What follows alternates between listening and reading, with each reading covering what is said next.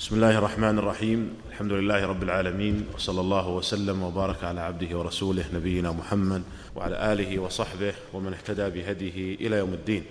أما بعد فكان درسنا السابق عن ميراث الجدة وعن باب التعصيب. فقلنا إن الجدة تستحق السدس. كم شرط؟ نعم بشرط واحد وهو عدم الأم. أحسنت. ثم ذكرنا بعد ذلك ضابط الجدة الوارثة والجدة غير الوارثة. نعم. الجدة الوارثة كل من أدلت بوارث والجدة غير وارثة من أدلت بغير وارث. ذكرنا ضابطا آخر. آه، من ضبطه؟ نعم. الوارثة من أدلت أدلت اما بمحض إناث أو بمحض ذكور أو بإناث إلى ذكور. والجدة غير الوارثه نعم. بذكور إلى إناث بذكور إلى إناث. طيب ذكرنا أحوال الجدة. ذكرنا لها ثلاثة أحوال. ها؟ أحوال الجدة. نعم. في درجة واحدة. نعم. اشتركنا في السدس. طيب الحالة الثانية. آخر ما ضبطت ولا؟ نعم. نعم تتحد الجهة وتختلف الدرجة. نعم في القربة تسقط البعدة نعم. لا هذه مراجعة الآن مراجعة ليست شرح. اللي فات الشيء يرجع للتسجيل هذا مراجعة للدرس السابق حتى الآن ما بدأنا الآن في شرح الدرس. طيب آه نعم من يكمل؟ نعم تختلف الدرجة وتكون القربة أولا خلنا من محل المسألة متفق عليها. القربة من جهة الأم. فالقربة تحجب البعدة طيب والحالة التي هي محل الخلاف. نعم. القربة من جهة أحسنت. تختلف الجهة. والدرجة تكون القربة من جهة الأب. قلنا هذه فيها قولان. ما الذي اختاره الرحبي؟ ما الذي اختاره الرحبي وهو مذهب الشافعية؟ نعم. يشتركان. تشتركان. قول الشافعية وهو الذي اختاره الناظم. لما قال اتفق الجل على التصحيح أنهما تشتركان. والقول الصحيح؟ نعم. أن القربة تسقط البعد مطلقا. وإذا قلنا أن عند اختلاف الدرجة فالجدة القريبة تحجب الجدة البعيدة مطلقا سواء كانت من جهة الأم أو من جهة آه، الأب. ثم انتقلنا بعد ذلك إلى التعصيب. وذكرنا الضابط في التعصيب أو تعريف التعصيب. ما هو؟ نعم. نعم. الإرث بلا تقدير. الإرث بلا تقدير. فليكون العاصب من يرث بلا تقدير. طيب. العصبة قسمناهم إلى عصبة إلى قسمين. نعم. أحسنت. عصبة بالنسب وعصبة بالسبب. العصبة بالنسب قسمناهم إلى ثلاثة أقسام. نعم. عصبة بالنفس وعصبة بالغير وعصبة مع الغير. العصبة بالنفس كم عددهم؟ نعم. اثنا عشر. وهم الوارثين من الرجال ما عدا الزوج والأخ لأم. طيب ثم انتقلنا إلى العصبة بالغير. وقلنا كم صنف؟ نعم. كم صنف أولا؟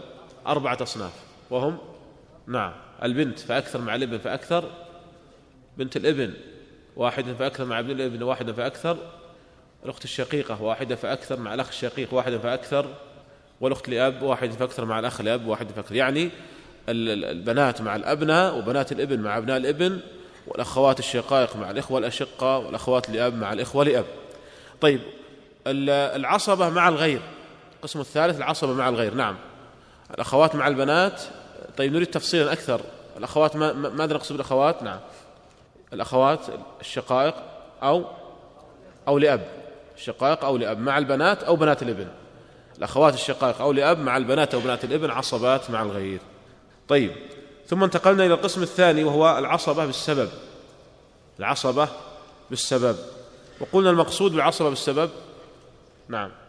المعتق. وورثته تعصبون بأنفسهم لا بغيرهم ولا مع غيرهم. وقلنا إن المرأة تكون عاصبة بنفسها في حالة واحدة وهي نعم إذا كانت معتقة.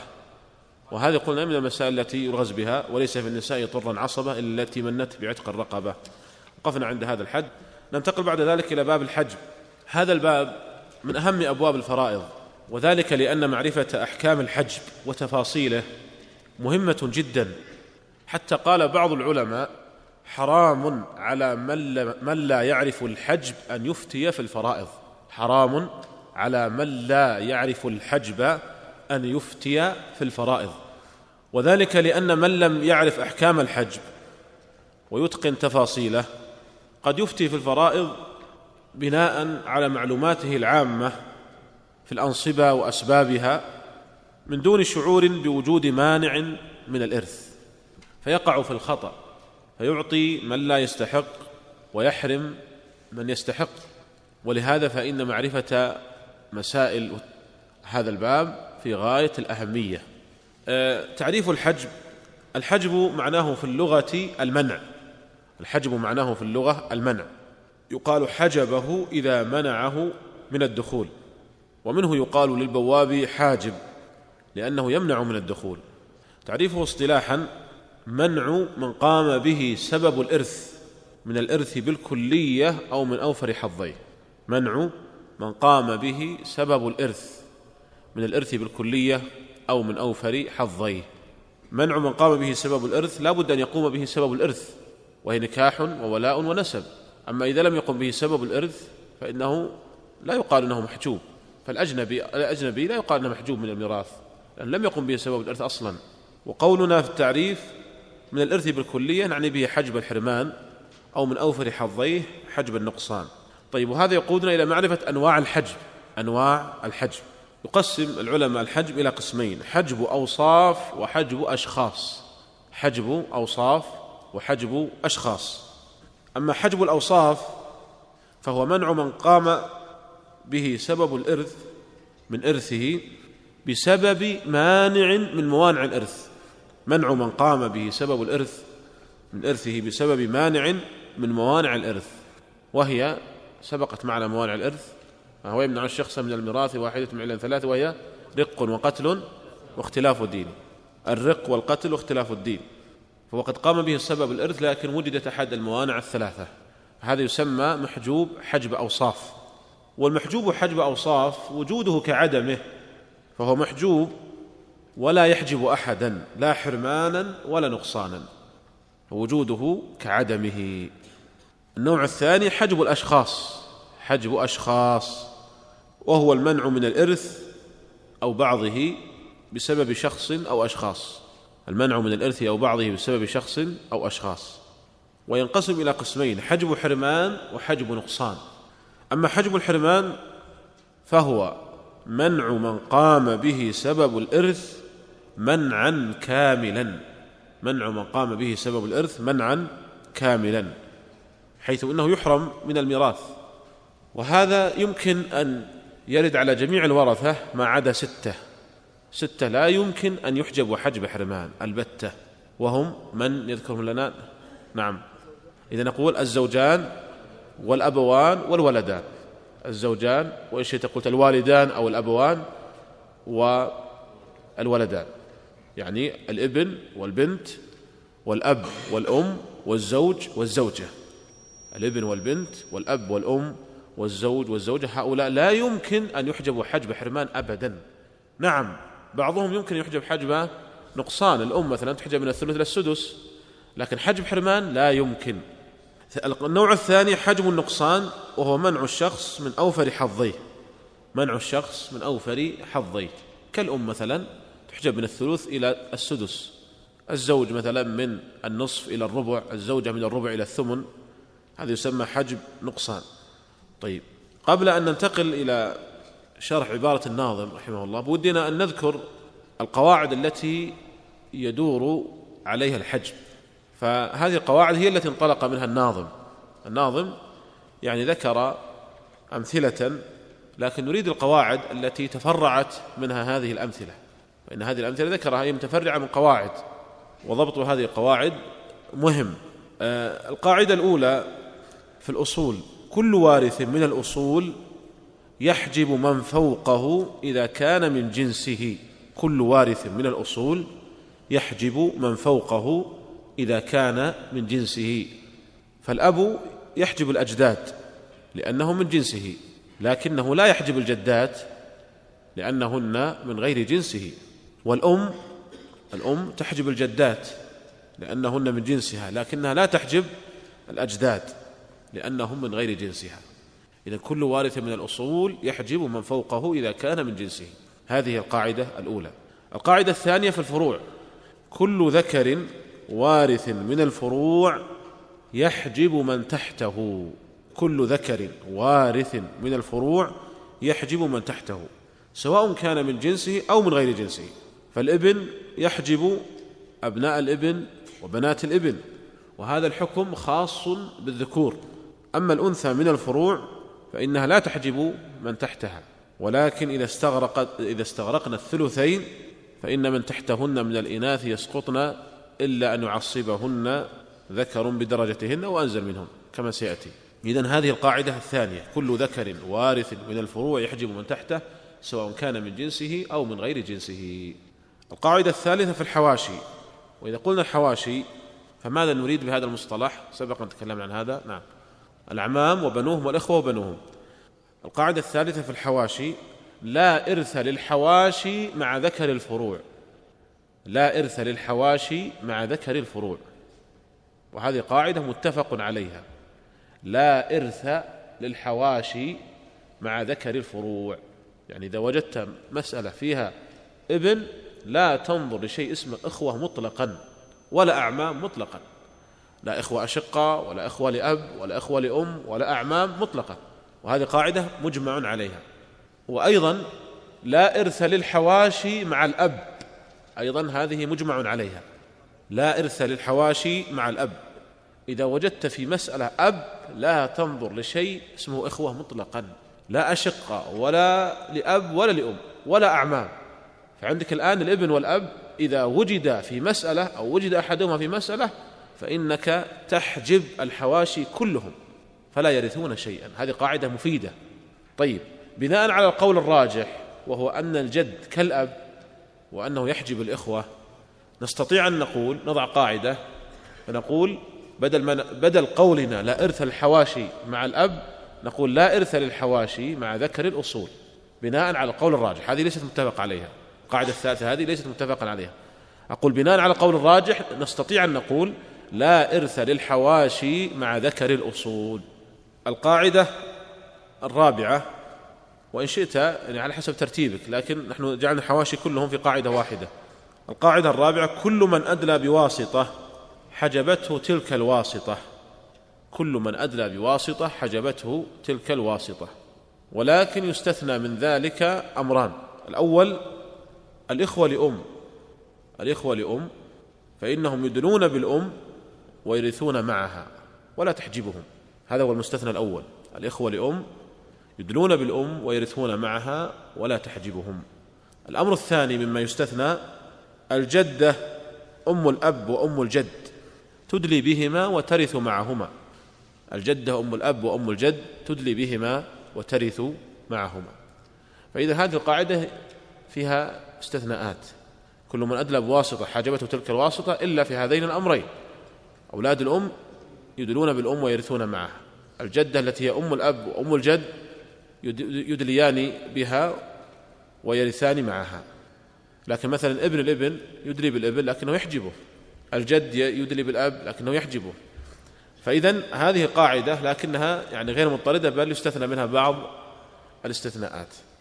هذه أبرز القواعد التي يدور عليها آه، تدور عليها أحكام الحج. نرجع لعبارة الناظم وسنجد أن الأمثلة التي ذكرها أو أكثرها ترجع لهذه القواعد. قال والجد محجوب عن الميراث بالأب في أحواله الثلاث. الجد محجوب بالأب هذه ترجع لأي قاعدة؟ القاعده الأولى.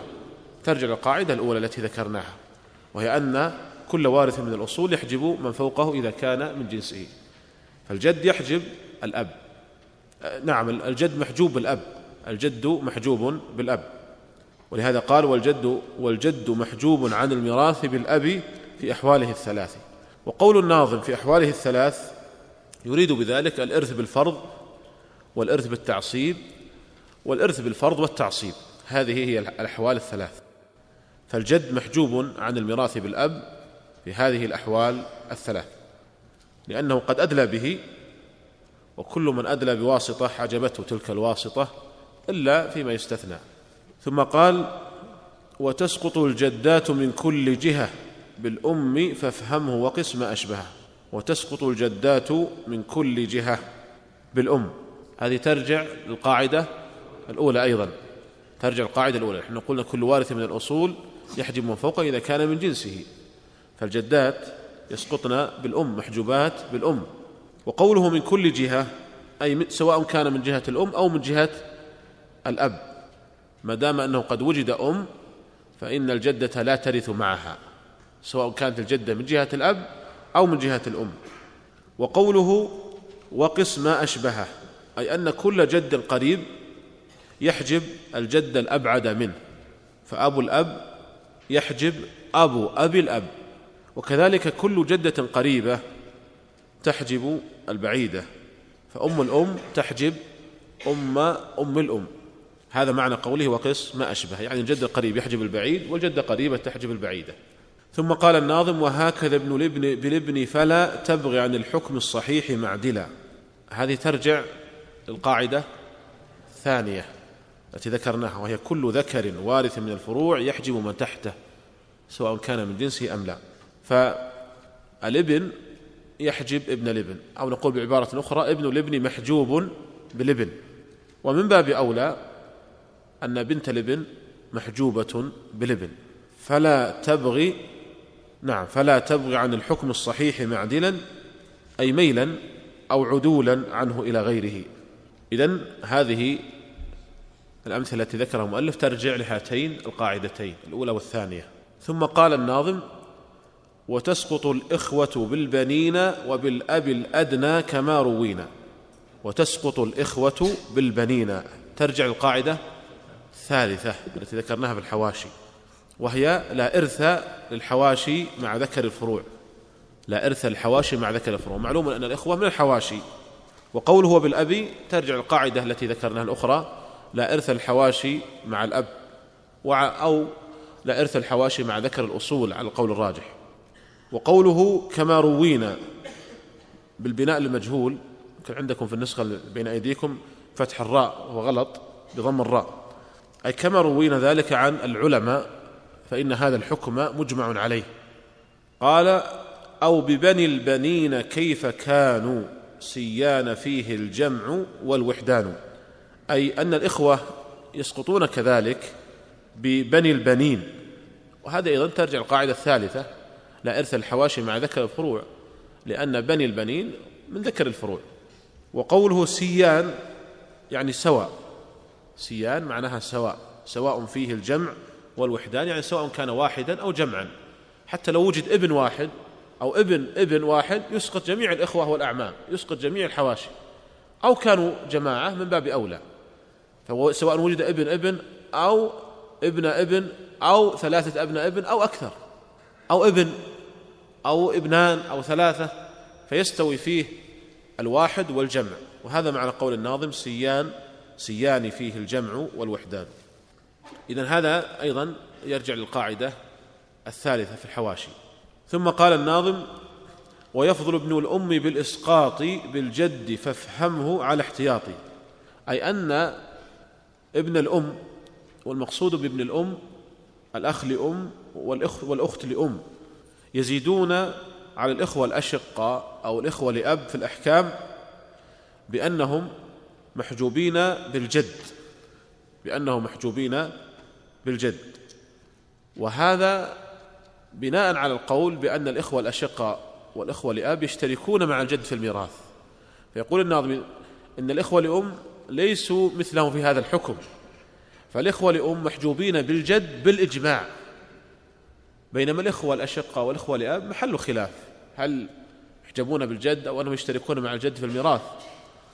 والناظم شافعي والشافعية يرون أنهم يشتركون في الميراث. ولهذا اعتبرها الناظم اعتبر هذا مزية للإخوة لأم أو يعني حكم انفرد به الإخوة لأم. فقال ويفضل ابن الأم بالإسقاط بالجد. أو هذا بالإجماع. فالإخوة لأم يسقطون بالجد بالإجماع لأن المسألة تكون كلالة. ويشترط لإرث الإخوة لأم أن تكون المسألة كلالة لا ولد ولا والد ذكر والوالد الذكر يدخل فيه الجد. فإذا الخلاف الخلاف في توريث الإخوة مع الجد يعني الإخوة الأشقة أو الإخوة لأب. أما الإخوة لأم فإنهم يسقطون بالجد بالإجماع. قال فافهمه على احتياطي يعني على تثبت ويقين لا شك وتردد.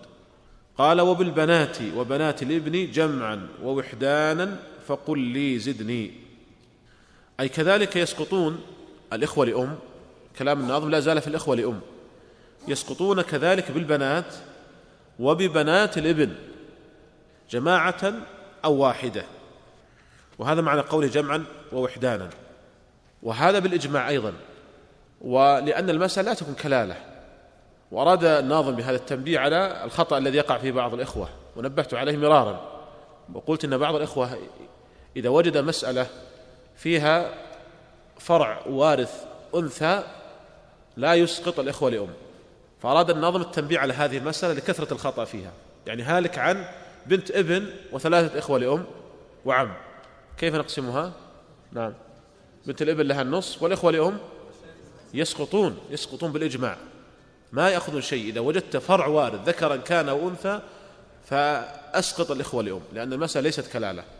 وكما قلت لكم يعني بعض الإخوة يظن إذا إذا كان الفرع الوارث ذكر إذا كان الفرع الوارث ذكرا يسقط الإخوة لأم. لكن إذا كان أنثى خاصة إذا كان بنت ابن تجد أنه يتردد. وهذا من الأخطاء التي تقع عند بعض الإخوة. فأراد الناظم التنبيه على هذا الخطأ. فإذا وجدت فرع وارث أنثى أسقط الإخوة لأم. ومن باب أولى إذا وجدت فرعا ذكرا. فهذا معنى قول الناظم وبالبنات وبنات الإبن جمعا ووحدانا فقل لي زدني. يعني زدني من هذا العلم النافع. قال ثم بنات الإبن يسقطن متى؟ حاز البنات حاز البنات الثلثين يا فتى. يعني أن بنات الإبن آه، يسقطن يعني محجوبات بالبنات إذا أخذ البنات ثلثين وذلك كما في لو قلنا هالك عن بنتين وبنات ابن وعم. بنتين وبنات ابن وعم. فالبنتان لهما الثلثان وبنات الابن هنا يسقطن محجوبات بالبنات محجوبات بالبنات بنات الابن هنا محجوبات بالبنات والباقي للعم. فهذا معنى قول الناظم ثم بنات الابن يسقطن متى حاز البنات الثلثين يا فتى. لكن استثنى من هذا قال الناظم إلا إذا عصبهن الذكر من ولد الابن على ما ذكروا. وهذا ما يسمى بالقريب المبارك. وهذا ما يسمى بالقريب المبارك. القريب المبارك تعريفه هو من لولاه لسقطت الأنثى التي يعصبها من لولاه لسقطت الأنثى التي يعصبها مثاله المثال الذي ذكره المؤلف. هالك مثلا عن ثلاث بنات لكن مثال ذكره المؤلف لكن نعدل فيه. مثلا قلنا ثلاث بنات وبنت ابن وابن ابن وعم. ثلاث بنات كم يأخذنا؟ الثلثين. والباقي لبنت الابن وابن الابن لولا وجود لولا وجود ابن الابن هذا لما أخذت بنت الابن شيئا. فيكون هذا قريبا مباركا. لأنه في المثال الأول المثال الأول الذي ذكرناه هالك عن آه، بنتين وبنات ابن وعم. البنتان أخذنا الثلثين وبنات الابن ما أخذنا شيء. لكن لما وجد معهن ابن ابن فإنه يعصبهن فيأخذن الباقي. فإذا ابن الابن هذا قريب مبارك. لولاه لما ورثت بنت الابن شيئا. سيأتي سيأتي.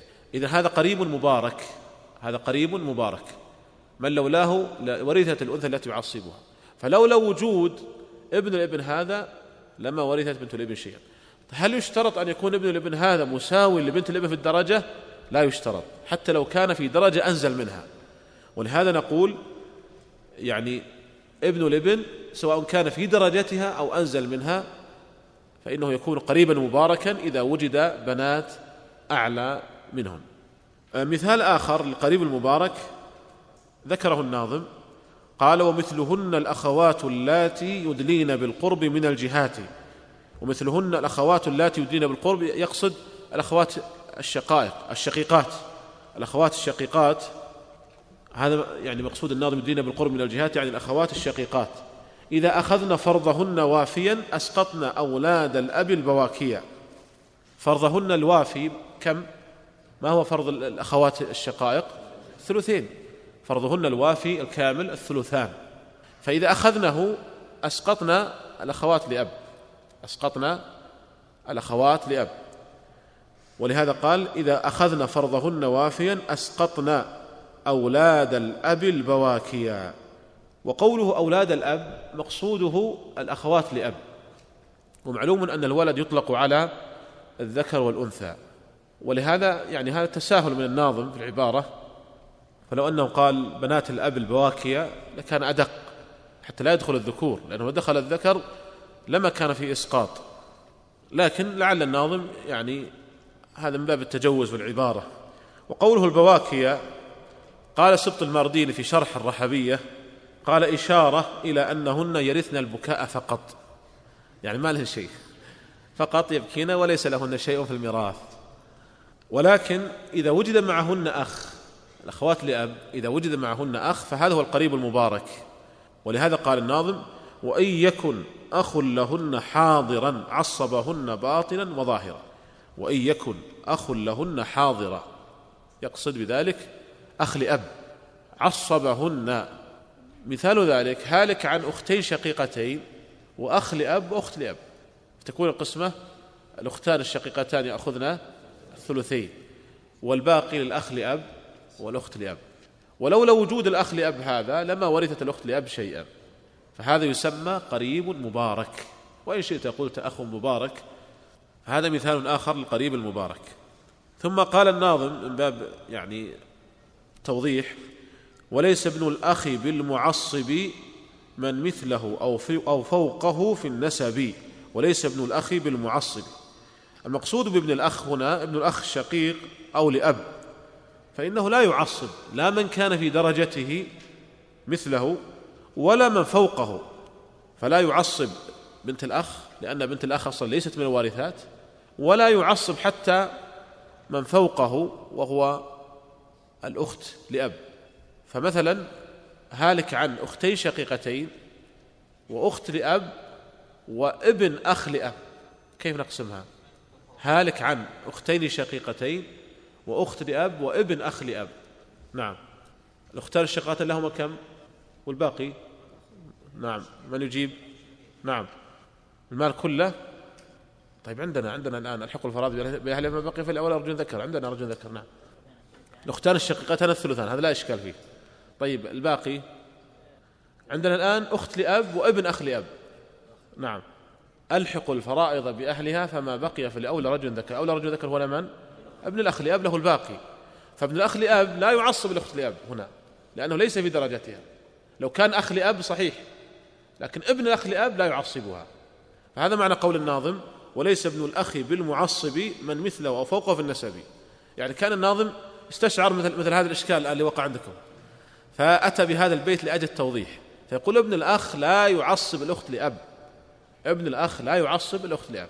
ولهذا في مثالنا السابق هالك عن أختين شقيقتين وأخت لأب وابن أخ لأب أو قل ابن أخ شقيق نقول أختان الشقيقتان لهما الثلثان والباقي لابن الأخ. وأما الأخت لأب فإنها تسقط. إذا من الذي يعصب الأخت لأب؟ أخ لأب. أخ لأب فقط. طيب نحن لما ذكرنا الآن القريب المبارك قسيمه القريب المشؤوم القريب المشؤوم. وتعريفه عكس تعريف القريب المبارك. نحن قلنا في القريب المبارك من لولاه لسقطت الأنثى التي يعصبها. القريب المشؤوم من لولاه لورثت الأنثى التي يعصبها. من لولاه لورثت الأنثى التي يعصبها. نذكر له مثالا هالك عن أم وأب أو نقول هالكة هالكة عن أم وأب وزوج وبنت وبنت ابن وابن ابن. أم وأب وزوج وبنت وبنت ابن وابن ابن. من يقسمها لنا؟ الأم نعم. الأم السدس لوجود الفرع الوارث. الأب الأب. ترى هذه نعم. لا يمكن الأب يأخذ الربع. نعم. نعم. الآن عندنا باقي الآن. مثل ما تشوف الآن مزدحمين أصحاب الفروض نعم. الأب ترى كلمة الأب الربع هذه في باب الفرائض كبيرة ما ما يصلح. نعم. يأخذ السدس الأب السدس. طيب والزوج؟ الزوج النصف الربع الزوج الربع. والبنت؟ النصف. المسألة تكون آه، من 12 وتعول إلى 13 سنشرح هذا إن شاء الله في الأسبوع القادم. كيف تؤصل وكيف تعول يعني مسألة فيها عول فيها عول ليس فيها باقي بل فيها عول يعني نقص يدخل على جميع أصحاب الفروض هنا بنت الابن وابن الابن يسقطان. طيب لو كان ابن الابن غير موجود نفس المثال لكن بنت ابن. نعم تأخذ السدس. نعم تكملة الثلثين أحسنت.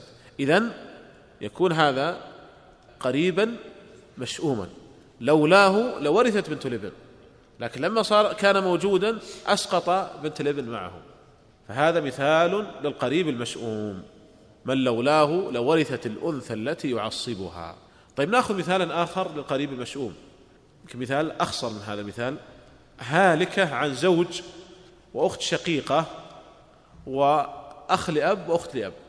زوج وأخت شقيقة وأخ لأب وأخت لأب. نعم. الزوج النصف. الشقيقة النصف كذلك. والأخ لأب والأخت لأب لا يأخذون شيء. طيب لو كان الأخ لأب غير موجود نعم أقسمها لنا يعني لو كان الأخ لأب غير موجود تكون زوج وأخت شقيقة وأخت لأب نعم. أقسمها لنا أولا أقسمها. الزوج النصف والشقيقة النصف والأخت لأب السدوس تكملة الثلثين. إذا الأخ الأب هذا تسبب على الأخت لأب فأسقطه معه. لولاه لورثت الأخت لأب. لولا وجود الأخ لأب هذا لورثت الأخت لأب. فهذا قريب مشؤوم. لولاه لورثت الأنثى التي يعصبها. فهذا عند الفرضيين يسمون يسمونه قريب مشؤوم والأول يسمونه قريبا مباركا. وكون يعني بعض الأقارب يجعل الله فيه البركة. فالله تعالى يجعل البركة في بعض الأشياء في بعض الأعيان بحكمته عز وجل قدرته وكذلك قد يقدر الله تعالى الشؤم في بعض مخلوقاته. كما قال النبي صلى الله عليه وسلم في الحديث متفق عليه الشؤم في ثلاث المرأة والدابة والدار. وفي لفظ إن كان الشؤم في شيء ففي ثلاث. وقد يجعل الله تعالى في بعض الناس البركة. كما قال عيسى ويحيى عليهما الصلاة والسلام وجعلني مباركا أينما كنت. فبعض الناس يجعله الله تعالى مباركا. تجد أن في أي مكان مبارك. مبارك في تعلم مبارك في تعليمه مبارك في دعوته مبارك في كل شيء. مبارك أينما كان. واجعلني مباركا أينما كنت. لكن بعض الناس على العكس ليس فيه بركة. فيعني قد يقدر الله تعالى البركة في بعض الأعيان. حتى في غير بني آدم أيضا يجعل الله تعالى البركة في بعض مخلوقاته. على كل حال هذا اصطلاح على كل حال مشهور وموجود في الحديث. النبي عليه الصلاة والسلام قال إن كان الشؤم في شيء ففي ثلاث. فذكر الشؤم المرأة والدابة والدار. ننتقل بعد ذلك إلى باب المشركة وفي بعض النسخ المشتركة وفي بعض النسخ المشتركة وكلاهما صحيح وسميت بذلك لتشريك الإخوة الأشقة مع الإخوة لأم. وتسمى هذه المسألة بالحجرية والحمارية واليمية. الحجرية والحمارية واليمية وسنبين السبب في هذا. هذه المسألة أبان الناظم عن أركانها. قال وإن تجد زوجا وأما ورثا وإخوة للأم حازوا الثلثا فالركن الأول الزوج والثاني الأم ويصلح أن نجعل بدل الأم جدة يعني ذات سدس. والثالث الإخوة لأم والرابع وإخوة أيضا لأم وأبي يعني إخوة أشقاء فتكون أركان المشركة كم ركن؟ أربعة. زوج وأم وإخوة لأم وإخوة أشقاء الإخوة لأم لابد أن يكونوا جمعا والأشقة لا يشترط فيهم الجمع حتى لو كان واحدا. فإذا أردنا عبارة أدق نقول زوج وذات سدس من أم أو جدة وأخوان لأم فأكثر وأخ شقيق فأكثر واحدا فأكثر. هذه المسألة عرضت على عمر بن الخطاب رضي الله عنه مرتين قضى فيها بقضاءين عرضت عليه على عمر الخطاب رضي الله عنه وقضى فيها بقضاءين قضى فيها بقضاءين عرضت عليه في المرة الأولى فقضى بأن للزوج النصف وللأم ها السدس وللإخوة لأم الثلث. هل بقي شيء في التركة؟ ما بقي لأن سدس زائد ثلث نصف. نصف ونصف استغرقت التركة. والإخوة الأشقة يسقطون. في القضاء الأول ورث الإخوة لأم وأسقط الأشقاء فقال الإخوة الأشقاء كيف نسقط ويرث الإخوة لأم؟ نحن إخوة لأب وأم وهؤلاء إخوة لأم فيرث الإخوة لأم ونحن نسقط ونحن إخوة لأب وأم. فأتوا عمر بن الخطاب رضي الله عنه وقالوا يا أمير المؤمنين كيف تورث هؤلاء وتسقطنا؟ هب أننا مثلهم إخوة لأم. وهب أن أبانا كان حمارا. أو هب أن أبانا كان حجرا. أو هب أن أبانا ألقي في اليم. على الأقل جعلنا مثلهم إخوة لأم. أما أن, أن تورثهم وتسقطنا هذا يعني لا يستقيم. فلما طرحوا على عمر رضي الله عنه هذا أشكل, أشكل هذا الطرح على عمر. فرجع عن قوله وشركهم فجعلهم كالإخوة لأم. كلهم شركاء في الثلث. فأصبح لعمر رضي الله عنه في المسألة أصبح له قضاءان قضاء الأول والقضاء الثاني. ومن هنا اختلف العلماء في هذه المسألة على قولين مشهورين. الناظم رحمه الله يقرر مذهب الشافعية والشافعية إحنا قلنا من أول الدروس أن الشافعية يتبعون مذهب زيد بن ثابت رضي الله عنه في جميع المسائل. وزيد بن ثابت يرى التشريك ولهذا فإن الشافعية يرون التشريك والناظم قرر هذا القول. ولهذا قال الناظم لما قالوا وإخوة أيضا لأم وأبي واستغرقوا المال بفرض النصب يعني استغرقوا جميع المال استغرقوا الأنصبة كلها فاجعلهم كلهم لأمي. يعني اجعل هؤلاء الإخوة الأشقة كأنهم أيضا إخوة لأم. مع الإخوة لأم. كلهم اجعلهم إخوة لأم.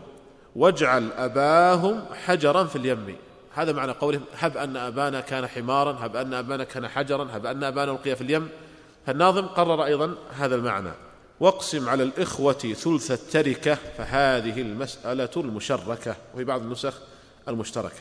فالناظم إذن رجح مذهب الشافعية ويوافق الشافعية على هذا الرأي المالكية. وأما الحنابلة والحنفية فذهبوا للقضاء الأول لعمر وهو أن الإخوة الأشقاء يسقطون في هذه المسألة واستدلوا لذلك بعموم قول النبي صلى الله عليه وسلم الحديث المتفق على صحته ألحقوا الفرائض بأهلها فما بقي فلأولى رجل ذكر. قالوا فإذا ألحقنا الفرائض بأهلها في هذه المسألة لم يبق شيء للإخوة الأشقاء. من قال بالتشريك لهم يعني أقيسة وتعليلات. ذكرها شيخ الإسلام تيمي رحمه الله وأجاب عنه أولا قولهم الذي قالوا لعمر هب أن أبانا كان حمارا هب أن أبانا كان حجرا هب أن أبانا ألقي في اليم. قال شيخ الإسلام ابن تيمية رحمه الله في المجلد 31 آه، صفحة 340 قال أما قول القائل إن أباهم كان حمارا فقد اشتركوا في الأم فقول فاسد حسا وشرعا. أما الحس فلأن الأب لو كان حمارا لكانت الأم أتانا. هذا من كلام شيخ الإسلام ابن تيمية ليس من كلامه. قال لأن الأب لو كان حمارا لكانت الأم أتانا ولم يكونوا من بني آدم. هذا كلام غير مقبول. حب أن كان حمارا كلام غير مقبول. هذا من بني آدم. كيف يقال أنه حب أنه حمار؟ فهو غير معقول مثل هذا الكلام. قال وأما الشرع فلأن الله تعالى حكم في ولد الأبوين بخلاف حكمه في ولد الأم. فولد الأم والإخوة الام لهم أحكام تختلف عن أحكام الإخوة الاشقاء فهذا القياس قياس فاسد وغير صحيح حسا وشرعا. أيضا قالوا إن الأب إذا لم ينفعهم فإنه لا يضرهم فلنعتبرهم كالإخوة لأم باعتبار أن الأب إذا لم ينفعهم لم يضرهم. قال شيخ الإسلام تيمية في الجواب عن هذا قال بلى قد يضرهم كما أنه قد ينفعهم بدليل ما لو كان ولد الأم واحدا وولد الأبوين كثيرين فإن ولد الأم وحده يأخذ السدس والباقي يكون لهم كله ولولا الأب لتشاركوا وذاك الواحد في الثلث. يقول فالأب كما أنه ينفعهم فقد يضرهم كما في هذا المثال. أيضا قالوا إن القول بتشريك الأشقاء مع الإخوة لأم هو من باب الاستحسان إذ أنه لا يحسن في عرف الناس أن الشقيق يسقط وأن الأخ لأم يورث فهو على الأقل من باب الاستحسان. أجاب عن هذا الشيخ الإسلام تيمية قال وقول القائل هو استحسان يقال هذا استحسان يخالف الكتاب والميزان فإنه ظلم للإخوة من الأم حيث يؤخذ حقهم فيعطاه غيرهم. قالوا إنه قول زيد بن ثابت وهو أفرض الأمة. وقد روي عن النبي صلى الله عليه وسلم أنه قال أفرضكم زيد. قال شيخ الإسلام تيمي رحمه الله جوابا عن هذا والمنازعون في هذه المسألة ليس معهم حجة إلا أنه قول زيد. و وعملوا بقول زيد في الفرائض تقليدا له وبعضهم يحتج بقوله أفرضكم زيد وهو حديث ضعيف لا أصل له ولم يكن زيد على عهد النبي صلى الله عليه وسلم معروفا بالفرائض. إلى آخر ما قال من الكلام الذي ذكرناه في أول درس وقلنا إن حديث أفرادكم زيد حديث لا يصح عن النبي صلى الله عليه وسلم وأن زيدا لم يكن أصلا معروفا بالفرائض على عهد النبي صلى الله عليه وسلم. وبهذا يتبين أن القول الراجح في هذه المسألة هو القول الأول وهو أن الإخوة الأشقة يسقطون وأن الثلث يكون للإخوة لأم. وأن هذا هو الأقرب للنص والأقرب للأصول والقواعد. فإن قوله عليه الصلاة والسلام ألحقوا الفرائض بأهلها فما بقي فالأولى رجل ذكر إذا طبقناه على هذه المسألة فألحقنا الفرائض بأهلها فإنه لا يبقى شيء للإخوة الأشقاء فهذا هو القول الراجح والله أعلم في هذه المسألة وهو الذي عليه العمل هو الذي عليه العمل آه، عندنا هنا في المملكة أن الإخوة الأشقاء يسقطون وأن الثلث يكون كاملا للإخوة لأم. وبهذا نكون قد انتهينا من هذه المسألة. بقي معنا باب الجد مع الإخوة سوف نشرحه غدا إن شاء الله وننتهي غدا من فقه الفرائض. والأسبوع القادم سيكون إن شاء الله حساب الفرائض. سيكون في الجانب التطبيقي. وسيكون هناك عرضا ويعني مسائل وتطبيقات. أقول هذا لأن سألني أكثر من واحد متى يكون الجانب التطبيقي؟ فنحن قدرنا الأسبوع الأول يكون في فقه الفرائض والأسبوع الثاني يكون في حساب الفرائض. فإن شاء الله ابتداء من السبت سوف نبدأ في الجانب التطبيقي وفي حساب آه، الفرائض. أما الفقه فننتهي منه غدا بعد ما ننتهي إن شاء الله من مسألة ميراث الإخوة مع الجد. يقول آه، هذا السائل يقول ما سبب كون الإخوة لأم يرثون؟ ويسقط الأشقة في مسألة التشريك مع أن جهة الأشقة أقوى من جهة الإخوة لأم السبب أن الإخوة لأم يرثون بالفرض بينما الأشقة يرثون بالتعصيب. ومعلوم أن المعصب إنما يأخذ ما بقي وهنا لم يبق لهم شيء. بينما الأخوة لأم فهم يرثون بالفرض. فحقهم ثابت. هذا هو السبب. يقول بعض النساء يتنازلن عن مالهن لإخوانهن فما حكم ذلك؟ وذلك بعد وفاة والده. إذا تنازلت بطيبة نفس فلا بأس. يكون هذا هبة لكن إذا تنازلت مكرهة أو حياء فإن هذا لا يجوز أو عرفا فإن هذا لا يجوز. وهذا هو فعل الجاهلية. قد كانوا يورثون الذكور ويحرمون الإناث من الميراث. وأبطل الإسلام هذا. وأنزل الله عز وجل قوله للرجال نصيب مما ترك الوالدان والأقربون وللنساء نصيب مما ترك الوالدان والأقربون مما قل منه أو كثر نصيبا مفروضا. يقول لو ذكرت أين ذكر شيخ الإسلام تيمية هذه المسألة؟ ذكرها في المجلد الحادي والثلاثين صفحة 340 على القول الراجح أن الإجماع لابد لهم دليل شرعي يسنده ما هو الدليل الشرعي على الحجم؟ غير الإجماع. على كل حال يعني دليل لذلك استنباط العلماء من آيات المواريث وما ورد في ذلك من الأحاديث ويعني قام الإجماع بناء على ذلك. ولا يعرف أن أحد من العلماء خالف في هذه المسائل. يعني في مثلا أن الأب يحجب الإخوة أو أن الابن يحجب الإخوة. هذا استنبطه العلماء من النصوص الواردة وكذلك أيضا كما قلنا لا يعرف أن أحد من العلماء خالف في هذه المسائل. يقول هل يكفي من يريد أن يقضي في علم الفرائض أن يحفظ آيات المواريث مع الفهم والحديث الثابت مع الفهم وأن يفهم الرحابية والشروط التي ذكرتم؟ نعم إن شاء الله يكفي هذا. يكفي هذا بس المهم أن يضبط القواعد أن يضبط القواعد والشروط ويحفظ الشروط. فإذا ضبط القواعد وحفظ الشروط يستطيع أن يغسل. وأيضا لا بد أن يتمرس. يا أخوان إذا أردتم إتقان الفرائض فأكثروا من حل الأمثلة والتطبيقات. يعني هذه معادلة كما يقال.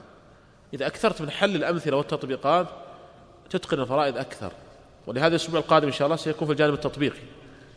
أكثر من حل الأمثلة. خذ كتبا وخذ منها مثلا مسألة واختبر نفسك ثم انظر الإجابة ثم إذا وجدت نفسك قد أخطأت آه، اعرف لماذا أخطأت. واضبط هذا الخطأ اكتبه عندك أني أخطأت في كذا والسبب كذا حتى لا يتكرر منك الخطأ مرة ثانية. وإذا يعني بذلت جهدا في هذا وأكثرت من الأمثلة والتطبيقات مع ضبط القواعد خاصة قواعد الحجب والحرمان وحفظ الشروط التي ذكرناها فإنك بإذن الله تعالى تستطيع أن تقسم آه، أي مسألة فرضية. يقول هل يمكن أن تشرح لنا القريب المشؤوم شيء من البسط؟ القريب المشؤوم من لولاه لورثت الأنثى التي يعصبها كما مثلنا. يعني هالك هالك عن زوج وأخت شقيقة وأخت لأب وأخ لأب. فالزوج النصف والشقيقة النصف. لولا وجود الأخ لأب لورثت الأخت لأب. لأن لو افترضنا زوج وأخت شقيقة وأخت لأب الزوج النصف والأخت الشقيقة النصف والأخت لأب السدس تكمل الثلثين. لكن لما وجد معها الأخ لأب تسبب في حرمانها من الميراث فسقطت. فهذا يسميه الفرضيون قريبا مشؤوما. يعني زوج وأخت شقيقة وأخت لأب وأخ لأب أختين لأب. نعم يا أخوان سمعت سؤال زميلكم؟ زوج وأخت شقيقة وأختين لأب. نعم. الزوج النصف. الشقيقة النصف. السدس. نعم. طيب يقول الزوج يرث بالتعصيب وبالفرض حالة في حالة واحدة. ما هي؟ يرث بالتعصيب وبالفرض في حالة واحدة. نعم. كما لو هالك عن بنت وجد فالبنت لها النصف والجد له السدس فرضا والباقي تعصيبا. يقول أعد القاعدة الرابعة. القاعدة الرابعة قلنا كل من أدلى بواسطة حجبته تلك الواسطة لكن هذه القاعدة غير مضطردة. ولذلك فإن الذي ذكرها فقهاء الحنابلة ولذلك ترد عليه استثناءات. فالأم مع الإخوة لأم الإخوة لأم يدلون بالأم ومع ذلك يرثون معها لا تحجبهم. آه، أم الأب آه، تدلي بالأب ومع ذلك ترث معه. و ولذلك اضطر القائلون بهذه القاعدة إلى هذه الاستثناءات. يقول رجل مات ووالداه موجودان وله ابن وزوجة وله إخوة أشقة وأخوة لأب فكيف يقسم ماله؟ هذا يعني تطبيق لما قلناه. رجل له أب وأم وزوجة وابن وإخوة. كيف نقسم المسألة؟ نعم. الزوجة الثمن والأبوان كل, كل منهم السدس والباقي والباقي الابن وأما الإخوة؟ يسقطون. لأن قلنا لا إرث الحواشي مع ذكر الفروع. يقول ما حكم الذين لم يقسم الميراث والذين قسموا الميراث بغير مقادير الشرع فيما بينهم وتراضوا على ذلك؟ الواجب أن يقسم على قسمة الشرع ولا يحكم في ذلك أعراف أو قوانين. لا أعدل من قسمة الله عز وجل. وأحيانا بعض الورثة قد يقبل بهذا إما حياء أو مجاملة أو خوفا. ولا يقبل بطيبة نفس ولا أعدل من قسمة الله عز وجل ولا يجوز العدول عن قسمة الله تعالى. نعم لو قسموا على الشرع ثم بعض الورثة وهب لبعض لا بأس. بطيبة من نفسه أما أن يكون ذلك بضغوط عليه حتى يقبل مثل هذه القسمة التي ربما تكون جائرة إما حياء أو خوفا أو مجاملة أو نحو ذلك فإن هذا لا يجوز. يقول إذا اجتمع الأخ لأب وابن الأخ الشقيق من يرث المال؟ هذا سؤال جيد. ها يا أخوان أخ يقول أخ لأب وابن أخ شقيق. أخ لأب وابن أخ شقيق. هذا تطبيق لدرسنا بالأمس. نعم. أخ لأب طيب هذا ابن أخ شقيق. أقرب درجة أقرب درجة لأننا ننظر أولا للجهة وهم الآن قد تساووا في الجهة جهة الأخوة. ثانيا ننظر للدرجة أيهم أقرب درجة؟ الأخ لأب أقرب ولا ننظر للقوة. حتى تتساوى الدرجة. فيكون المال كله للأخ لأب. يقول جواب الشيخ الإسلام إن الأب إذا لم ينفعهم فلا يضرهم أليس ما مثل به؟ يدل على نقض جوابهم دليل لهم إذا الأب نفعهم في المثال الذي ذكره ولم يضرهم. كلامهم صحيح. لا هو ضرهم الأب. لو كانوا إخوة لأم اشتركوا مع الأخ لأم في الثلث لكنهم إخوة لأب لأم وأب كثيرين. إخوة لأم وأب كثيرين فلا ينالهم إلا شيء يسير. فيقول أن الأب هنا وجوده قد أضرهم. لعل الأخ السائل يتأمل في المثال الذي ذكره الشيخ رحمه الله. الشيخ يقصد إذا كانوا إخوة أشقة كثيرين فإنهم يأخذون يعني قدرا قليلا من الإرث بخلاف ما لو اعتبرناهم إخوة لأم فإن ميراثهم سوف يزيد.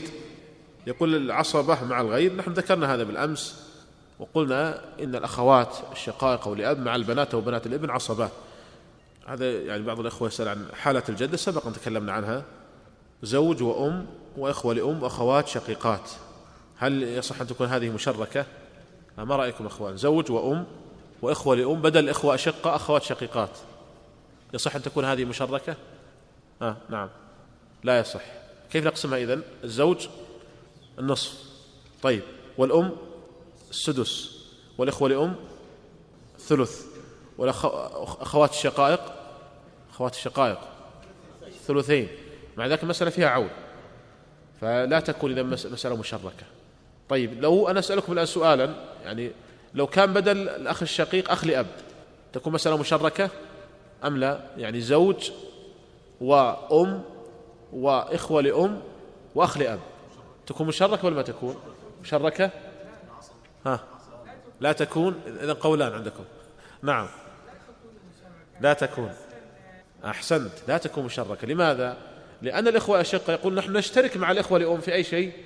في الأم. نحن نشترك معهم في الأم.